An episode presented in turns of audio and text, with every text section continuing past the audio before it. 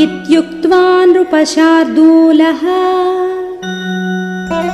सचिवान् समुपस्थितान् विसर्जयित्वा स्वं वेश्मा प्रविवेश महाद्युतिः।